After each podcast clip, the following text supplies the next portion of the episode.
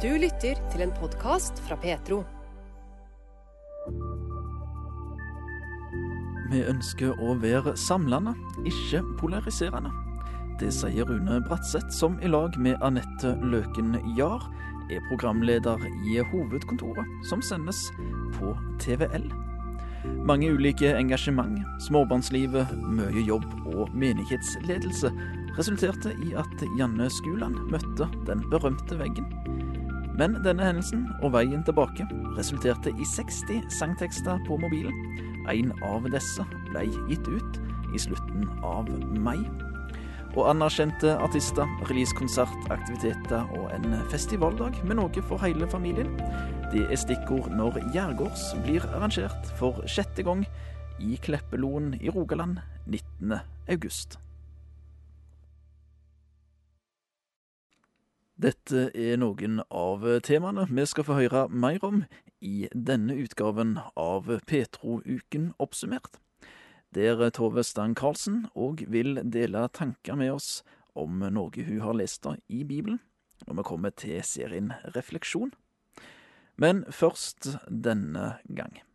Kan en snakke om følelser, seksualitet og skjønn med innestemme i det offentlige rom? Dette ønsker Alexis eh, Lund å gjøre med podkasten En bedre historie. En helt ny podkastserie som ble lansert tirsdag 20. juni, og som er en serie der fem personer forteller fra sine liv og om sine kamper med tiltrekning, følelser om kropp, tanker om identitet og om si tru på Jesus. Det er organisasjonen Tro og Media som lanserer podkasten, og programleder Alexis Lund sier at vi trenger å høre historier fra mennesker som har opplevd det vanskelig med følelser, seksualitet og skjønn. Det å snakke om uh, identitet og tiltrekning og kjønn uh, er jo i stor grad ganske vanskelig i det offentlige rommet. Men uh, Gjennom, gjennom, tid og relasjon og, og samtaler så, så, tror jeg det er mulig å, å, senke dette inn til en innestemmer. Uh, og at dette er mulig å prate om. Og så er jo inngangen i denne podkasten en bedre historie. Så det er jo uh, Fins det, det, noe gull å grave etter her? Og det er det. Uten tvil. Og denne første episoden syns jeg er nydelig. Men du sier vi trenger å høre. Hvem er vi? Jeg tror vi som samfunn trenger å høre. For det er jo veldig sånn ensidig uh, formidling knytta til, uh, til, særlig seksualitet. Så uh, det er mulig å velge annerledes. Det er mulig å velge annerledes. Og her kommer jo troen inn. Og dette er jo mennesker som lever i spennet mellom tro og følelser. Er det en politisk uh, podkast? Nei, det er ikke det. Jeg vil si det er en relasjonell podkast, hvis det er noe som heter det. Hvor hvor vi, eh, vi, legger til rette for at eh, det er mennesker som føler noe, men som velger noe annet. Fordi at troen deres er det som setter føringer i livet. Men for mange så har jo trua vært vanskelig. Eh, Pga. at en har i kristne sammenhenger så har en jo ikke hatt åpenhet om det å snakke om seksualitet som, som et eh, Det er iallfall ikke det alle forbinder med, med kristne sammenhenger. Eh, hvordan kan eh, kristne sammenhenger, eh, miljø, bedehus, menigheter, kirke åpne for, for samtaler om seksualitet? Å, dette er et kjempegodt spørsmål og et digert spørsmål. Men jeg tenker jo på mange måter at vi, vi må jo begynne en plass. Vi må begynne en plass, og da kan vi enten begynne i oss som mennesker. Hva vi føler på, og hva vi tenker, og vår smerte. Og I stor grad så begynner vi kanskje med vår smerte, men jeg tror vi må begynne enda, enda, før det. Vi må begynne med Gud som skaper, og hvilke premisser er det det setter. Og så må vi, må vi ikke male, male, dette for rosa eller for, eh, for eh, smerteløst, for livet er vanskelig. Eh, og denne tematikken er krevende. Og det å forholde seg til Gud som skaper, og oss som skapelse, det, det, setter noen ganske store premisser. Og den dybdeforståelsen av det, det er kanskje det vi virkelig må prate mye om. I den første podkasten, første episoden her av En bedre historie, så er, så er dere innom dette temaet med toleranse. At det, det er et viktig eh, tema å snakke om. Men, men Mm. kan denne podkasten som du har lagd nå, lanserer i dag, kan den på en måte havne litt mellom to stoler? Eh, Enten eh, i samfunnet som, som ikke har eh, det samme eh, tankesettet som f.eks. innen Kristen-Norge? Ja, egentlig. Jeg har lyst til å gå inn og sette meg på alle stolene, jeg. Eh, fordi altså vi har jo, Når jeg sier vi, så er det jo i tro og medier. Så har vi jo et krystallklart utgangspunkt. Og det er jo at vi er skapt i Guds bilde som mann og kvinne. Og rammen rundt seksualitet heter ekteskap. Og ekteskap det er et, eh, et trofast løfte mellom en mann og en kvinne. Så det er liksom, premissene ligger klare her. Jeg, men så tenker jeg at det, det å anerkjenne mennesket og menneskers smerte, og det å, det å f.eks. starte en samtale med mennesker som tror og tenker og lever annerledes enn meg, med å si at uh, du er elsket, ønsket og villet av en Gud som er god. Det legger noen veldig flotte premisser. Og det gjør jo at jeg kan sette meg ned, opplever jeg da, med hvem som helst og snakke om disse tingene, selv om vi kanskje er veldig uenige. Fordi at jeg har et, jeg har et grunnleggende syn at mennesket er verdifullt fordi vi er skapt. Nå har du god trening på å høre sånne historier med mennesker som eh, tenker annerledes enn deg. Hvordan kan eh, jeg, som kanskje ikke har den eh, treningen, eh, bli, eh, få trening i å høre historier til mennesker som tenker annerledes enn meg? Jeg tror vi skal senke skuldrene litt. Og det er jo ikke våre eller mine argumenter eller overbevisning som gjør at folk endrer retning. Det skjer noe inni hjertet. Og det er jo litt det denne første episoden med Noah eh, sier noe om. Altså det er jo ikke argumenter og, og liksom de tingene som, over, som gjør at hun da har kommet til den overbevisningen at, eh, Eller den, det akseptet at hun har den kroppen hun har. Men, eh, men det er noe på et dypere plan. Så jeg tror vi skal Og så tror jeg ikke vi skal være så redde eh, for å gå inn i disse samtalene. Altså, Jesus var ikke redd for å møte mennesker som levde og tenkte og trodde annerledes enn han. Eh, men han var ærlig på hva han var og hva han sa, og hvordan eh, vi mennesker absolutt skal leve livene våre.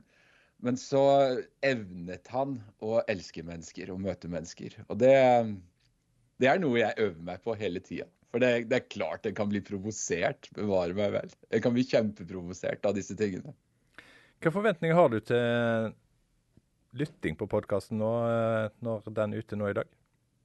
Jeg er spent. Uh, jeg er spent. Og jeg, jeg, sier jo i introen at hvis det er noe hvis det er noe noen blir provosert over, så ta det for all del opp på meg. Uh, for dette er historier til mennesker, og jeg mener det er litt sånn det er litt sånn uangripelig. Uh, så jeg håper at folk forholder seg til disse historiene på en real og en god måte.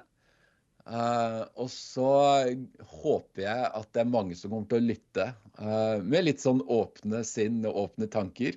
Selv om vi liksom går ut og, og er ærlige på at vi er troende og kristne og, og tror disse tingene som i stor grad kristne tror. Alexis Lund lanserte tirsdag 20. juni en ny podkast med historier om følelser, seksualitet og skjønn. Alexis Lund møter der mennesker som forteller sin historie i podkastserien med tittelen En bedre historie. Intervjuer i innslaget var Bjørn Steinar Haugland. Takk for at du lytter til denne podkasten fra Petro. Liker du det du hører, setter vi pris på om du tipser andre om radiosendinger og podkaster fra Petro. Du finner oss på DAB, og både radiosendinger og podkaster er tilgjengelige i Petro-appen, som enkelt lastes ned fra Google Play eller AppStore. Den 19. august blir musikkfestivalen Gjergårds arrangert for sjette gang i Kleppeloen i Rogaland. Primus-motor Jan Gunnar Haraldseid innrømmer at han har vært frista til å gi opp, men at tilbakemeldinger og misjonstanken gjør at han fortsatt holder på med prosjektet. I utgangspunktet er det veldig gøy. Altså Musikkfestival og det å samle mennesker er spennende og gøy i utgangspunktet. Men eh, det er klart det er jo det er utfordrende nå. Det er ikke til å stikke under en stol. Koronaåra var jo spesielle eh, på alle måter. Eh, men vi er glad for at vi klarte å gjennomføre det, og det var jo da også en del av det arbeidet vi gjør med konfirmantene begynte å blomstre opp. Så det kom det godt ut av det òg. Du er jo fra Østlandet, som vi hører. Og har jo vært med og arrangert festivaler. Hva var det som gjorde at du tenkte det har jeg lyst til å prøve på Jæren? Er det annerledes på Jæren? Hvordan sier noe om det? Eh, jeg vil si det er lettere, Hvorfor faktisk. det? Eh, nei, altså det er flere, flere kristne og flere um, kristne næringslivsfolk som er villige til å bidra. Så det er mye mer positivt enn det Altså jeg er fra Sarpsborg i Østfold. Um, og det var uh, mer oppoverbakke, uh, ja. sånn sett. Um, og, og, også det at det er uh, Altså det å Altså folk generelt, om det er ikke-kristne så er det i utgangspunktet ganske positivt til kristent arbeid, som regel. Og det merker vi også. Du, du, sa jo det med et par koronaår, og dere har faktisk òg arrangert festival da. Har det vært såpass oppoverbakke òg at du har liksom vært fristet til å gi opp noen gang, Gunnar?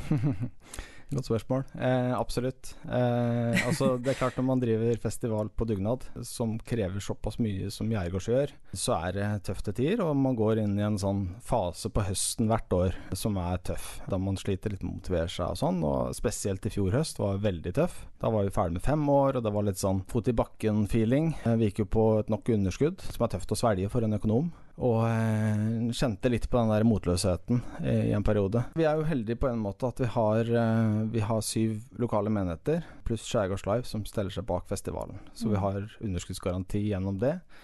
Og det er en trygghet, men det er jo ikke noe vi ønsker å bruke. Det var tøft å gå til det skrittet og be om støttemidler for å komme gjennom. Vi tok litt i overkant stor risiko i fjor, og det kom ikke så mye folk som vi hadde håpa på. Selv om det var en fantastisk fin helg. Vi var kjempefornøyd med både fredagen for konfirmantene og lørdagen. Så ble det tøft, rett og slett. Men dere står på igjen, og dere har anerkjente artister fra inn- og utland. Dette her er ikke en sånn liten festival.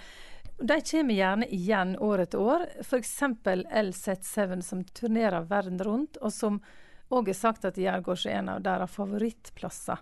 Altså, hva gjør dere for å få til det? At de også har lyst til å komme tilbake, men at de i utgangspunktet har lyst til å komme til lille Klepp på Jæren, for å si det sånn i store sammenhengen? For meg så har Gjerdegård generelt blitt mye mer om sånn hjerte, hjertesak. Eh, og på en måte det, den brannen for å nå ut til ikke-kristne. Eh, barn, unge, ungdom. Mm. Og den brannen der, den deler mange av de, egentlig alle, som har vært hos oss. Og LZ7 kanskje spesielt. Altså det er det de holder på med. Altså De er jo på en måte misjonærer, egentlig. De jobber i en stiftelse. De tar ikke, ikke, mye betalt for å komme heller. Eh, de reiser rundt på skoleturneer for å snakke om Jesus. Det er det de holder på med, det er det de brenner for, det er det som er kallet deres. Mm. og det samsvarer veldig med det kallet vi føler vi har. Ja. Mm. Og mellom annet så gjelder jo det kallet og kommende konfirmanter, som dere mm. har hatt et sånt ekstra opplegg for. Og jeg så at det var en ny rekord i antall påmeldte konfirmantgrupper i år. Ja, det var en tøff høst, og ting snudde litt i desember. Og noe av det som snudde, var det at vi fikk, eh, fikk en del tilbakemeldinger rundt konfirmantopplegget. Og jeg kjente også det at eh, der er eh, en gruppe ungdom som vi kan gjøre en forskjell for. Så det var kanskje noe av det som gjorde det var vanskelig å, å legge ned. Også når vi fikk den responsen i etterkant med dobbelt så mye konfirmanter som det vi noen gang har hatt, altså over 1000 konfirmanter, eh, det begynner å bli nesten litt for mange, holdt jeg på å si. Men det er utrolig kjekt, og vi er utrolig glad for det. Og jeg tenker konfirmantopplegget er jo en unik mulighet til å nå ut til ganske mange kristne innenfor litt vår setting, som konfirmantåret er i kristen sammenheng. Så, så det er veldig gøy å få til et sånt type Mm. og jeg tror det åpner øya litt og hjertet litt inn, inn i et uh, langt konfirmantår. Så det er spennende. Og da er det altså en egen, en egen samling for konfirmanter på fredagen før selve festivalen, sant? Ja, på selve altså fredagen uh, før lørdagen, holdt jeg på å si. Eh, så er det uh, holdt på to og en halv time. Um, kommer godt over 1000 konfirmanter, busser fra Bømlo, fra Egersund, fra hele Jæren, you name it. Da er det appell, det er konserter, det er mat og det er god stemning. Og så mm. får de gratis inngang på lørdagen i tillegg. Det sa Jan Gunnar Haraldseid, som arrangerer utendørs musikkfestival på Jæren for sjette gang den 19. august. Og med seg har de òg Søndagsskolen Norge. Kristin Eide arbeider i Søndagsskolen Rogaland, som nå legger sin Søndagsskolens dag til familiefestivalen Gjergårds. De ønsker å starte og styrke barnegrupper, og de ønsker å gi barn ei bærekraftig tru og det skjer heller ikke bare på søndagene. Søndagsskolen Norge er en eh, samling eller en sammenslutning av innmeldte søndagsskoler og barnegrupper som vi har hos oss. Eh, og det som vi jobber med, det er å starte og styrke søndagsskoler og andre grupper. Eh, vi ønsker at barn skal få bli kjent med sentrale bibelfortellinger. Og at de skal få en relasjon til den trenige Gud. Og få ei bærekraftig tru. Ei bærekraftig kristen tro. Ei tro som bærer de gjennom livet, både i gode og i krevende dager. Og I Søndagsskolen Norge så har vi spisskompetanse på barns tro. Vi har eh, faglig gode opplegg både til barn og til tweens. Og vi har mange engasjerte, fantastisk flotte frivillige med oss. Og I tillegg til å ha fokus på barn og ledere, så er vi opptatt av tro på hjemmebane. Og hjelpe familier til å snakke om tro hjemme gjennom bl.a. bruk av eh, barnebladet vårt som heter Barnas. Slagordet til Søndagsskolen Norge det er 'mer enn du tror'. For søndagsskolen er mye mer enn det du kanskje tror. Vi har mange forskjellige søndagsskoler og barnegrupper som møtes gjennom hele uka. Hvor vi sammen ønsker å invitere alle barn inn i bibelfortellingene, som er den nye visjonen vår.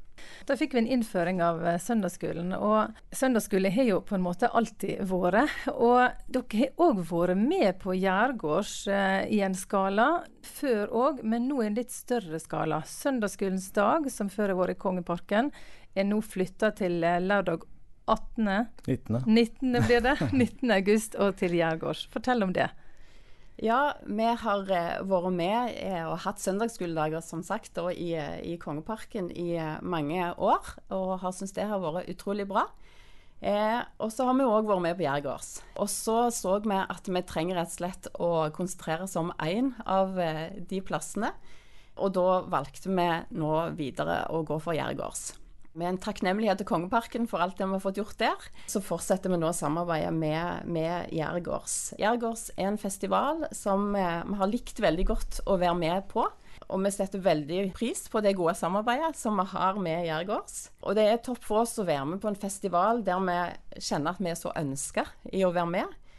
Og så opplever vi òg at det er lett for søndagsskolene og barnegruppene våre å komme der, ta med seg eh, si gruppe, ta med venner, familie, naboer. Og så syns vi jo det er veldig fint at vi kan eh, tilby gruppene våre en god pris på, på denne festivalen. Så det setter vi pris på. Ja, for dette her er jo en, en musikkfestival, en familiefestival, som varer hele dagen med forskjellig innhold. Hva kommer til å skje i deres regi fra søndagsskolen denne dagen, Kristin? Ja, eh, det blir familiemøte med Viggo Klausen. Eh, og det blir musikk og dans og konserter fra scenen. Eh, og så tar vi med oss alle de kjekke aktivitetene som vi tidligere har hatt i Kongeparken, eh, som følger oss videre inn i Jærgårds. Mm. Så det blir aktiviteter og leker og konkurranser både for barn og for tweens. I tillegg til at vi investerer i, i litt nye ting som vi skal ha med oss. Så det blir litt overraskelse for de som kommer og ser. ja. Og så har vi selvfølgelig med oss Gulliver, maskotten vår. Han gleder seg alltid til å være med på Jærgårds og treffe store og små. Og så skal vi i tillegg få delta litt både på scenen og på stand, med fokus på det å bli søndagsskolefadder. Vi ønsker å invitere enda flere til å bli med som givere til Søndagsskolen Norge. Eh, søndagsskolen har alltid vært båret av gaver og frivillige, som vi er utrolig takknemlige for. Og det er òg viktig for oss inn i framtida. For søndagsskolen har mye å tilby, òg til nye generasjoner. Ja, et uh, område på Jæren, en slags uh, hva jeg kalte det en gryte, nesten uh, uten vind. Det er veldig sånn uvanlig. Der skal dette her skje, utendørs, lørdag 19.8. Nå forteller Kristin at hun skal ta med masse utstyr. Det skal være masse aktivitet. Hvor mange er det plass til på denne sletta, Jan Gunnar? Altså Kommunen mener at det er plass til godt over 10 000. Eh, vi, har, vi, har, litt å gå på. Ja. Eh, når det er sagt, så utvider vi litt området i år. Eh, siden søndagsskolen kommer, så uh, utvider vi aktivitetsparken vår, altså med hoppeslott og sånt, noe ganske betraktelig. Jeg la akkurat inn en bestilling nå på over et tonn med hoppeslott. Så det blir mye lek og moro, absolutt. Og det er god plass. Det er egentlig ikke noe problem. Og det er også litt av grunnen til at folk venter ofte veldig lenge med å bestille billett og sånn, men uh, vi setter pris på tidlige billettkjøpere, for da veit vi litt hvor vi er. Det sa Jan Gunnar Haraldseid, som er festivalsjef for Gjergårds, eh, som arrangeres for sjette gang den 19. august. Du møtte òg Kristin Eide. Hun arbeider i Søndagsskolen Rogaland, som eh, arrangerer Søndagsskolens dag under Gjergårdsfestivalen. Der kan du òg møte Viggo Clausen, Lisa Børud, West Soul Teens og gruppene Saint og LC7 fra England. Thomas Netland vil òg bidra, og Impuls fra Stavanger vil ha lovsangskonsert eh, til slutt denne festivaldagen. Mer informasjon finner du på gjergårds.no. Reporter i innslaget var Anne Birgitte Lillebø Bø. Petro har mange ulike podkaster og serier. Samlivsskolen gir råd og tips til par. I Pastoren og Journalisten prøver vi å finne ut hvorfor mange unge forlater menigheten i overgangen til voksenlivet. Og i Petro-gjesten får du høre livs- og troshistorien til en lang rekke spennende mennesker. Ekte og ærlig. Du finner alt i Petro-appen, på petro.no, eller der du ellers lytter til podkaster. Papirfly er en ny låt fra Janne Skuland, som kom i slutten av mai. Mange ulike engasjement, småbarnslivet, mye jobb og menighetsledelse resulterte i at Janne Skuland møtte den berømte veggen. Men denne hendelsen og veien tilbake resulterte i 60 sangtekster på mobilen, hvor en av de blei til låten Papirfly. Ja, eh, papirfly betyr egentlig et bønnesvar for meg. Eh, så den handler om hvordan jeg fikk et veldig sånn tydelig svar på noen bønner som jeg ba i en litt tøff periode. Og, ja, og da ble det teksten 'Papirfly', da, som, eh, som det endte opp med. Og mer konkret så er det et, et bønnesvar på, på, en litt tøff periode i, eh, i, i livet som, som, du fikk et, et bønnesvar på. Ja, det var, eh, det var, rett og slett en periode hvor eh, det kom liksom litt sånn snikende, alltid litt vanskelig å nesten forstå hvordan man kan komme inn i en sånn litt mørk periode. Fordi i hvert fall for meg så var det veldig nytt. Jeg har på en måte vært en glad jente hele livet, hatt det veldig bra. Eh, og så var det ganske mange omstendigheter som blei tøffe samtidig. Også sånn sakte, men sikkert så kom det på en måte et mørke over meg. Eh, og det begynte å bli ja, det ble liksom tøffere og tøffere, da. Eh, så i den perioden så ba jeg jo selvfølgelig også mye. Eh, også når jeg ikke opplevde at jeg fikk noe bønnesvar heller. Og alt var veldig tåkete en stund også, når jeg hadde på en måte ja, stått i det en god stund, da. Eh, og saken var vel kanskje at jeg sto i det for lenge før jeg skjønte at eh, nå må jeg kanskje bremse opp litt. Eh, og da møtte jeg jo en sånn berømt vegg som man som regel ikke tror man selv skal møte på, da, som man har hørt om at man kan gå på. uh, og det var vel egentlig det som skjedde. At uh, jeg sto i tøffe omstendigheter for lenge og skulle bare klare det. på en måte. Jeg skulle bare, liksom, jeg skal bare klare det, så skal jeg bare klare det. Og så var jeg jo engasjert på mange områder. ikke sant? Og så har jeg fire barn og var leder i en kirke. og ja, og jobba mye, så det var på en måte mange ting på en gang. Og da, når jeg da først fikk et sånn tydelig bønnesvar på hva skal jeg gjøre nå med alt dette, med alle disse mørke tankene, og med alt jeg sto i, eh, så blei det en veldig sånn gladlåt ut av det, da. Papirfly, som et sterkt bønnesvar, da. Mm.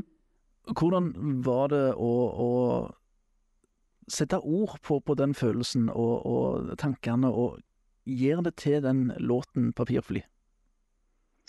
Jo, det, det, var egentlig veldig godt. For meg så har skriving vært eh, en viktig del faktisk av denne, av denne, perioden i livet. Det har jeg alltid likt å skrive for så vidt, men nå som det ble tøfting, så ble det kanskje enda viktigere. Så jeg skrev veldig mange tekster. Jeg har liksom over 60 tekster, tror jeg, på mobilen min. for jeg bare skrev og skrev og skrev. Jeg syntes det var veldig godt å sette ord på hva jeg opplevde. Eh, så liksom etter veldig mange tekster, så, så kom jeg jo da til slutt til papirfly. Eh, og det, det var en fin måte å, å, kanskje bearbeide det jeg gikk gjennom på. Eh, ja, så, så, det var litt, litt sånn det skjedde. Så arbeidet, både skrivinga og kanskje òg innspillinga, har vært en form for terapi og, og bearbeidelse av det? Ja, jeg vil nesten si det, altså. At det har det. Det har vært en det, tatt lang tid, men, men uh, veldig sånn seier hvor den først uh, kom ut. Fordi Eh, jeg veit jo at det er andre også som står i tøffe ting. Så tenkte jeg sånn her at hvis eh, denne teksten nå har blitt til, jeg har den her på mobilen, men eh, så, ja, så det er bedre hvis jeg får den ut. Da, at det kanskje kan oppmuntre andre også. Og bli til hjelp for andre som står i tøffe situasjoner. Eh, det var på en måte hovedengasjementet mitt rundt det. At jeg ønska at flere skulle bli berørt av det. Og da bestemte jeg meg for å gi den ut. Eh, så ja, det har vært en fin prosess det da å gi ut noe som, som har den historien det har, og, og, som har vært eh, Eller betydd det som det har betydd for, for, deg. Det å slippe det ut til at alle kan høre det, hvordan har det vært? Ja, det, det var jo faktisk litt skummelt. Kanskje litt skumlere enn andre ting jeg har gitt ut. Eh, for det, sånn som De forrige albumene var jo mer sånn barnesanger og sånn, så da var det jo mer sånn Oi, dette er gøy, og fint at noen barn går og synger på dette. Det var litt sånn lett, ikke sant. Men det her var jo mer personlig og inn på hvordan jeg har hatt det. Så det var Jeg følte meg litt sårbar. Og, og, faktisk var det masse sånn teknisk trøbbel før den sangen skulle ut også. Det, det liksom skar seg både den ene og den andre og tredje dagen. Og faktisk den dagen sangen skulle komme ut, Eh, det var jo sånn på, i midnatt, ikke sant. Da kommer det Så jeg satt oppe da klokka tolv der og liksom Nå kommer låta, liksom. Endelig er liksom alt i orden. Og så kom den ut, og så kom den ut med sånn skikkelig skurring. Så det var sånn Papir Masse skurr på hele sangen. Og da Det var jo ganske nedtur, kan du si. Så det har vært liksom en kamp, men heldigvis i løpet av et døgn da, så klarte de å fikse det. Det er ingen som fortsatt har forstått hva som skjedde. Det er ingen som har opplevd det før. At det har blitt gitt ut en sang med skurring. Fila var jo helt fin og alt sånt. Så det har vært en sånn litt sånn eh, Ja, det har jo ikke bare gått på skinner og bare vært gøy, liksom. Det har vært en uh, liten kamp rundt det også. Så, men uh, det ble bra til slutt. Fikk den ut til slutt.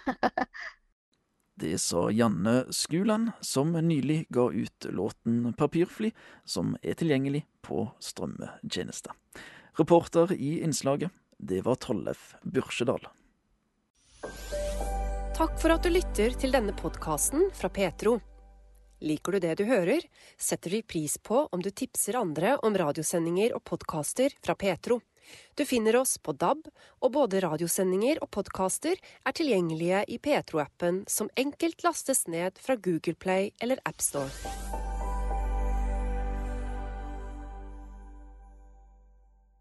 Hovedkontoret er et 30 eh, minutt langt eh, TV-program som sendes hver søndag klokka 20.30 på TVL. I dette programmet ønsker Anette Løken Jahr og Rune Bratseth å fokusere på det som samler, og på det positive som skjer i Kristen-Norge. Vi har lyst til å fortelle om eh, Eh, selvfølgelig er det sentrert rundt det vi tror på. Eh, kanalen er det. Og dem som vi inviterer også er opptatt av de samme tingene. Og vi ønsker å ha en bredde i det vi har holdt med. Vi ønsker å, å, ikke være polariserende, vi ønsker å være samlende. Og, og ønsker å ja, bruke mer energi sammen med andre som tror, enn mot hverandre. Og så er det jo også, Dette programmet ses jo ikke nødvendigvis bare på søndager heller. Um, for det, det, det, er jo også viktig for oss. For det er jo heller ikke noe vi bare tar på oss på søndager, denne kristne troa. Så den, programmene går jo i repriser noen dager utover i uka. Og det bør troen vår eh, med, henge med på, for å si det sånn. Men det å snakke positivt med gjestene deres, hvor viktig er det? Ja, men jeg tenker at det, eh, er jo intensjonen vår her òg. Vi skal heie hverandre frem. Det er så utrolig mange gode krefter. Det er som jeg ofte sier, at jeg føler jo at vi i Kristen-Norge sitter på hver vår lille maurtue. Eh, det er jo bare å ta en tur eh, i en middelnorsk stor Altså en, en by i Norge. Og så se på hvordan de forskjellige kirkesamfunnene ligger på hvert hjørne i samme kvartal og det er, det er, noe trist ved det. da, for Hvis vi står sammen, hvis vi klarer å ha liksom et mer økumenisk perspektiv på det, så står vi så utrolig mye sterkere. Um, og derfor er Det jo ikke noe sånn, det er jo ikke noe tilgjort når vi heier på gjestene våre. For det er en oppriktig glede og et engasjement. Og vi blir rørt av å se alle de gode kreftene som finnes der ute. da. Så det faller oss veldig naturlig, egentlig. og det er et privilegium egentlig, ja, å få lov til å holde på med å gi rom og tid mm. til mennesker som sjøl bruker mye energi og tid på andre enn seg sjøl. Mm. Eh, og det er ekstremt mange av dem, de organisasjonene. Eh, vi har jo hatt en brotta med folk. Hva er det mange du telte opp eh, på de programmene vi har hatt nå? så er vi Ja, altså vi, Dette var jo røftlig bare, men vi har jo da Ja, ja. 20 programmer. Og så har vi jo fra tre til fem gjester i hvert program. Så det er jo mellom 60 og 80 gjester da, på de 20 programmene. Mm. Og det, og det å få løfta frem de menneskene der, det er veldig Og, og organisasjonene dem, som står bak dem. Eh, Og det er altså så mange. Og det er jo en, også en bevisstgjøring for oss som sitter her. Det er ikke det viktigste, men det, det er fint for oss. Men for dem som ser på. Og, og, og, det- og da sitter jo noen hjem der og tenker at hm, de trenger min støtte. Og det, det er jo ikke gratis som regel å, å drive med hjelp til andre. ikke sant? Du må jo få noe for å gi det videre. Og jeg tror at det programmet her er med å hjelpe til å, å gi, eller å få nye givere til mange mange flotte prosjekt. Altså. Og det er jo ingenting av det, det som skjer her som ikke vi på en måte vil støtte Mm. og løfte fram. Og så er det jo ikke bare mm, kirker og organisasjoner heller, men vi har også hatt besøk av mange ildsjeler. Eh, og det er også noe som jeg føler er mm, eh, vi, enda viktigere kanskje enn for noen år siden å løfte frem. Da. For vi lever i en tid også som jo er ekstremt liksom, individualistisk og meg og mitt. Men å høre de historiene med folk som faktisk bretter opp ermene, som tar seg permisjon fra jobb for å reise til eh, et land i Afrika og hjelpe til. Altså det å inspirere hverandre til å løfte blikket. Det er jo også visjonen til kanalen vi representerer. Og, og vi merker jo nå at eh, altså det, alle de som er her, driver jo med noe positivt arbeid på et eller annet vis. Og de fleste har skjønt at det å finne andre som ønsker det samme, det gjør en, en, gir en enorm styrke til arbeidet. Og vi hadde jo nettopp uh, inn herfra, her fra, som, som blir sendt om noen uker, da, uh, Metodistkirka. Og de eh, snakker jo også om, om samarbeid også, både med kirke, andre kirkelige kristne organisasjoner, men også det, det sekulære. ikke sant? Og, og det tror jeg er en, en god, veldig god trend. da, At vi, eh, vi drar litt lasset sammen og ikke eh, gjør alt alene. Da vi bli mye sterkere vet du, hvis du ser andre som ønsker det samme. Nå har dere lagd eh, mange program. Hva, hva erfaringer har dere gjort dere med, med gjestene som har vært innom? Hva sitter dere igjen med?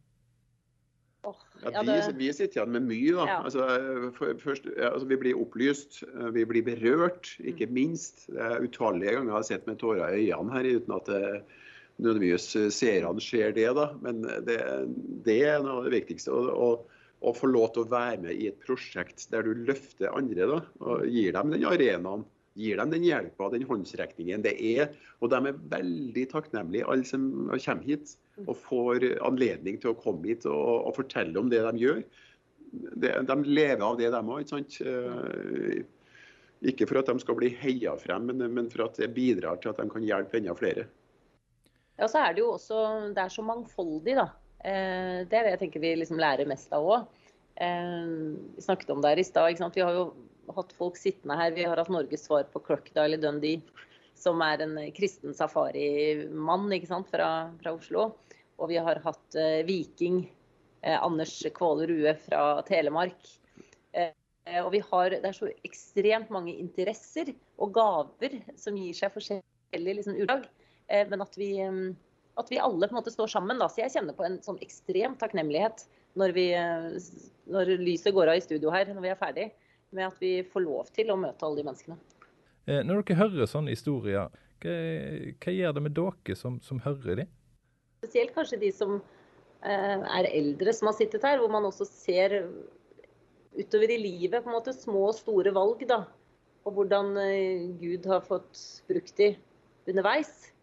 Eh, Og mye som da kan ligne på tilfeldigheter, er kanskje Ja. mer gudfeldig enn man tror. Ja, for, for min del, så når jeg ser i bakspeilet li- til livet mitt, så, så, så blir, mindre, blir det mindre tilfeldig. ikke sant? Eh, Og, men altså, jeg går ikke inn i den fella at jeg tror at skal jeg ta til høyre eller skal jeg ta til venstre i neste kryss. nå, ikke sant? Altså, Sånn er ikke livet. Eh, på ingen måte. Men at man lever som om Gud fins. Det er en, en berikelse av livet å være litt bevisst på at eh, noen møter som man har, ikke nødvendigvis er tilfeldig. Og det merker man jo etter hvert, om det er eller ikke er. Så jeg tror det er litt bevisstgjøring på, på sitt eget uh, liv og de møtene med mennesker. Det tror jeg er lurt. Rune Bratseth er sammen med Anette Løken Jahr programleder for Hovedkontoret, som sendes på TVL hver veke klokka 20.30 på søndager. TVL er en norsk TV-kanal som drives av Knif Media AS, og kanalen samarbeider med kristne organisasjoner og kirkesamfunn om innhold. Intervjuer i innslaget var Bjørn Steinar Haugland. Takk for at du lytter til denne podkasten fra Petro. Liker du det du hører, setter vi pris på om du tipser andre om radiosendinger og podkaster fra Petro. Du finner oss på DAB, og både radiosendinger og podkaster er tilgjengelige i Petro-appen, som enkelt lastes ned fra Google Play eller AppStore. I serien Refleksjon får Petro hver uke hjelp av en person til å dele noen tanker rundt kommende søndagstekst i kirkeåret, eller en annen tekst som har betydd noe for vedkommende den siste tida. Veka som vi nettopp har lagt bak oss. Da har det vært Tove Stang Karlsen som har vært med og delt noen av sine tanker. Jeg har lest en tekst i Bibelen. Det var en mann som kom til Jesus og spurte Hva skal jeg gjøre for å arve evig liv? Vil vi egentlig arve evig liv? Vil du arve evig liv? Det hender at jeg snakker med noen som sier at eh, åh, uff, nei, livet er da slitsomt nok om jeg ikke skulle leve evig. Nei takk, det frister ikke. Nylig var jeg i en begravelse. Det var veldig trist. Livet var slutt, og denne personen finnes virkelig ikke mer. Det er ikke lenge siden vi prata sammen. Det er ikke lenge siden vi var sammen med venner i samme rom og nå er det bare slutt. Nå har vi bare minnene. Var dette alt? Er det sånn at vi skal spise og drikke og sove og jobbe, og, og så er det bare over? Er det ikke noe mer etter døden? Vil vi egentlig leve evig? Ligger det ikke en trang i oss etter å oppleve noe fullkomment vakkert og godt som bare er og er og er helt uten ende. Den vise kong Salomo sa at også evigheten la ned i våre hjerter. Kanskje er det det dette betyr? At den ligger en lengsel i oss etter noe evig, noe som bare er godt? Jeg er veldig glad for at det er mitt håp. Jeg får tro at det finnes noe mer etter døden, Mitt håp er et liv i evigheten der Gud selv er lyset, der Jesus på tronen er sentrum i tilværelsen, der alt er bare godt, der det ikke finnes smerte eller sorg eller tårer. For alltid.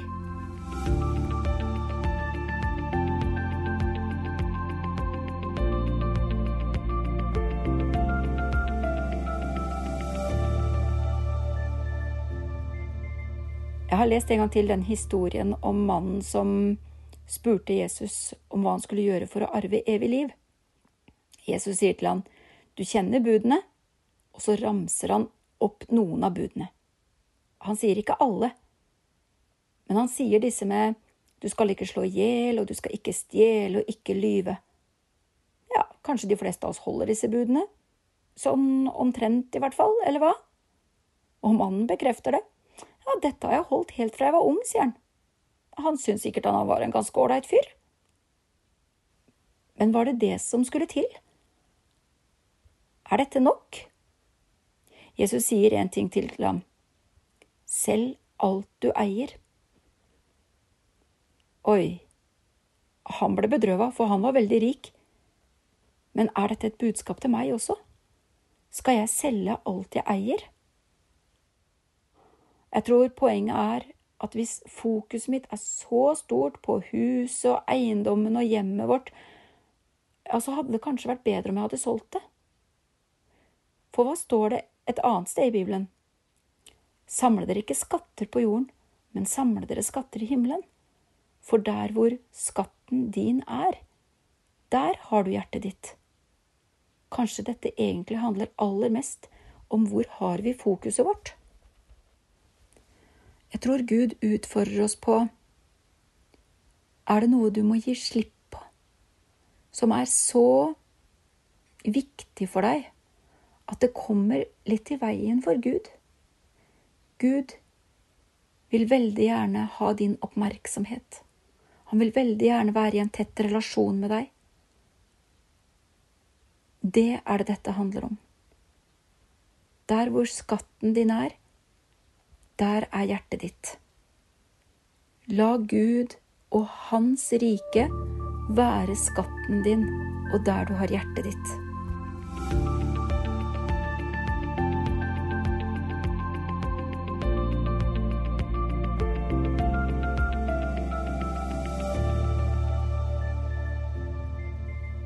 Jeg har lest historien om mannen som kom til Jesus for å spørre om hva han skulle gjøre for å arve evig liv. Når han spør, så starter han med å si gode mester. Han så på Jesus som mester, og han synes tydeligvis at han var en god mann. Kanskje han kan svare på det jeg lurer på om å få evig liv, tenkte han. Og Jesus svarer med å spørre tilbake, hvorfor kaller du meg god? Det er bare én som er god, og det er Gud. Og jeg undrer, er det virkelig det? Er det bare én som er god? Jeg ser mange gode mennesker. Mange gjør gode gjerninger mot andre. Mange ønsker at andre mennesker skal ha det bra. De er oppofrende og uselviske og strekker seg langt for andre. Men kan det være sånn at det også kommer fra Gud? Ah, hadde ikke det vært en ganske oppmuntrende tanke? Når du gjør en god gjerning, så er det en frukt av at Gud er levende i deg. Han gjør det gjennom deg. Eller kan det rett og slett være på samme måte som med at evigheten er lagt ned i oss helt fra vi ble skapt, så er også det å gjøre gode ting mot andre noe som er lagt ned i oss helt fra begynnelsen av. Nå kan vi gjøre gode ting med gale motiver. Ah, nå ser de at jeg er god, så da snakker de pent om meg, eller jeg får et godt rykte. Eller nå når jeg er god mot han eller den, ja, så er det noen andre som er god mot meg tilbake. Ja, da er det ikke så god handling allikevel. Da er det ikke helt uselvisk. For det er ingen som er god som Gud er god. Helt uten betingelser og helt uten baktanker. Alltid. Det er ikke så lett for oss mennesker. Men Gud er god bare god tvers igjennom.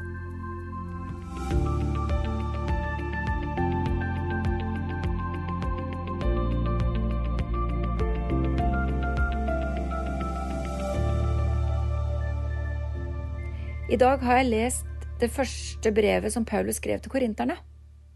Der bruker han annet et bilde fra idrettsverdenen.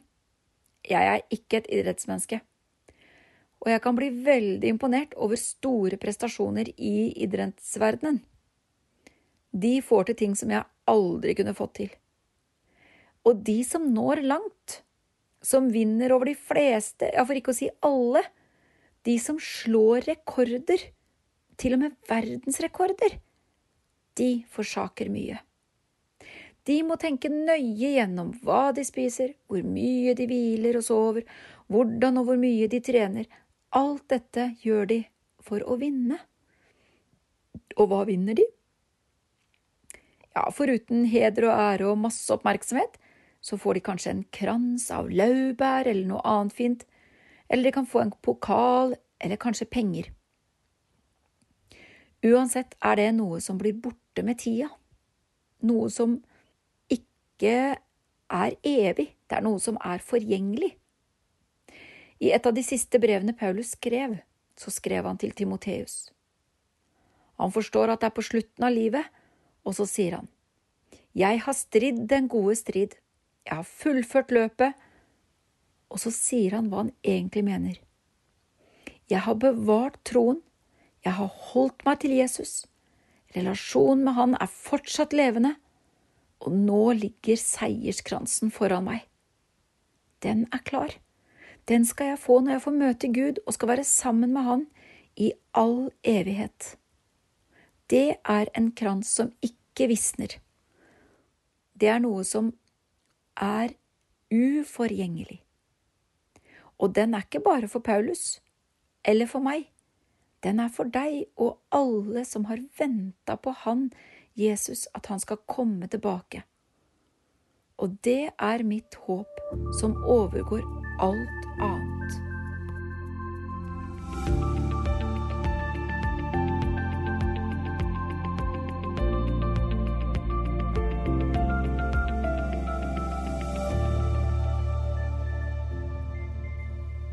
Nå er jeg tilbake til historien om mannen som kom til Jesus med spørsmål om hvordan han kunne arve evig liv. Jeg la merke til det aller siste som står i den fortellingen. Der står det at mannen gikk bedrøva bort. Jesus utfordra ham på rikdommen hans. Han fikk beskjed om å selge alt og gi bort pengene, så skal du få en skatt i himmelen, sa Jesus. Mannen var veldig rik. Dette var hardt for han. Han gikk bedrøva bort, står det. Og så står det ikke mer. Det står ikke noe om at Jesus løp etter eller sa noe sånn som at nei, nei, du, stopp litt. Det er ikke så farlig. Det er ikke nødvendig med riktig alt. Kanskje det holder med halvparten? Eller nei, nei, du, vi kan, vi kan snakke litt om dette. Nei, han gjør ikke det.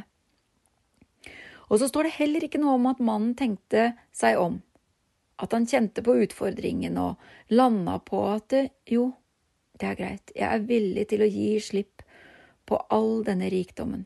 Jeg vil gjøre som Jesus sier, jeg selger alt. Jesus og det evige livet er mye mer verdt. Det kan jo hende han gjorde det, det får ikke vi vite. Jeg vet at det er mange mennesker som har jobba med ting som binder dem, og så gir de slipp. Jesus og det evige livet er mye mer verdt enn det jeg har her på jorda. For hvor skatten din er, der er hjertet ditt, sier Jesus. Dere skal ikke samle skatter på jorden hvor møll og mark ødelegger og hvor tyver kan bryte seg inn og stjele. Nei, dere skal samle skatter i himmelen, der verken møll eller mark ødelegger og tyver ikke kommer og kan stjele det. For der hvor skatten din er, der vil også hjertet ditt være.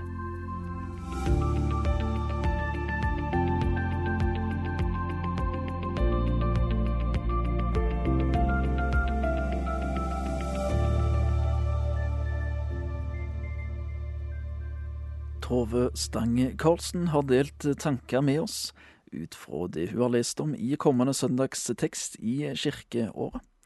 Prekenteksten denne søndagen er henta fra Markus evangeliet kapittel 10, versene 17 til 27. Lesetekstene er fra Første Mosebok kapittel 25 vers 27 til 34, og fra Første Korinterbrev kapittel 9 og vers 24 til 27. Du har lyttet til en podkast fra Petro. Du finner mer i Petro-appen, på petro.no, eller der du ellers lytter til podkaster.